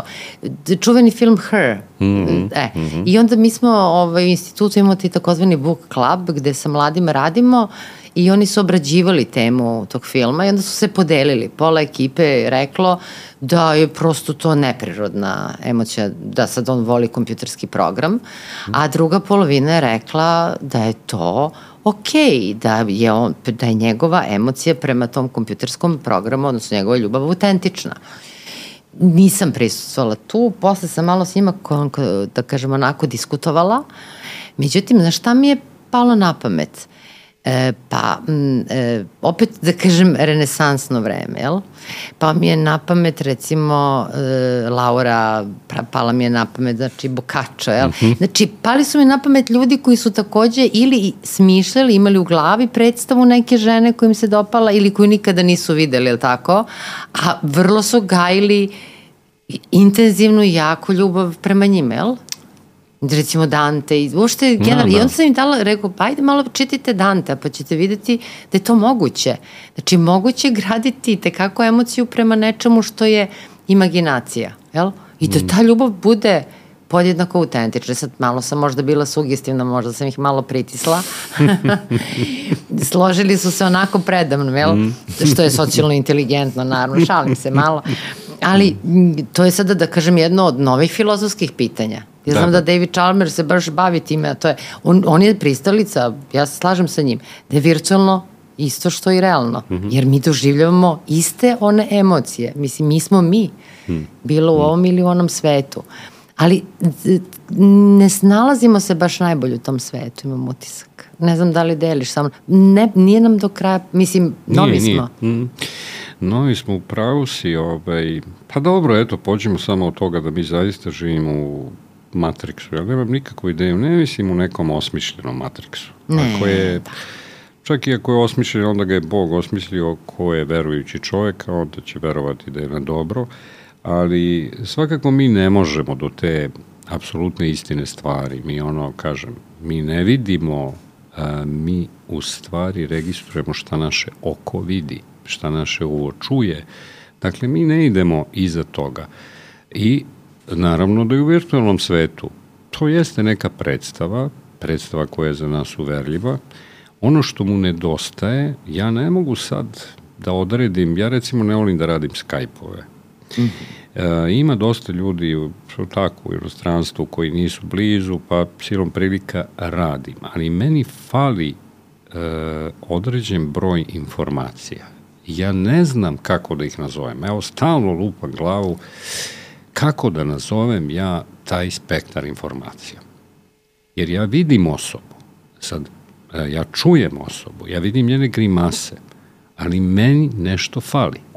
Pa znaš šta ti fali? Fali nam par godina koje nas odvajaju od augmentativne realnosti u kojoj ćeš ti, kada staviš one cvikere, ili me razumeš, i kada 3D, i da je osetiš, i da čuješ, i miris, i taktilno, i sve. E, to, znači, to, kad to. sva čula budu tu prisutna, fale ti ostala čula zapravo. Vrlo verovatno. Da, to sam jer prvo onda ćeš mm. biti u stvari u interakciji s tom osobom.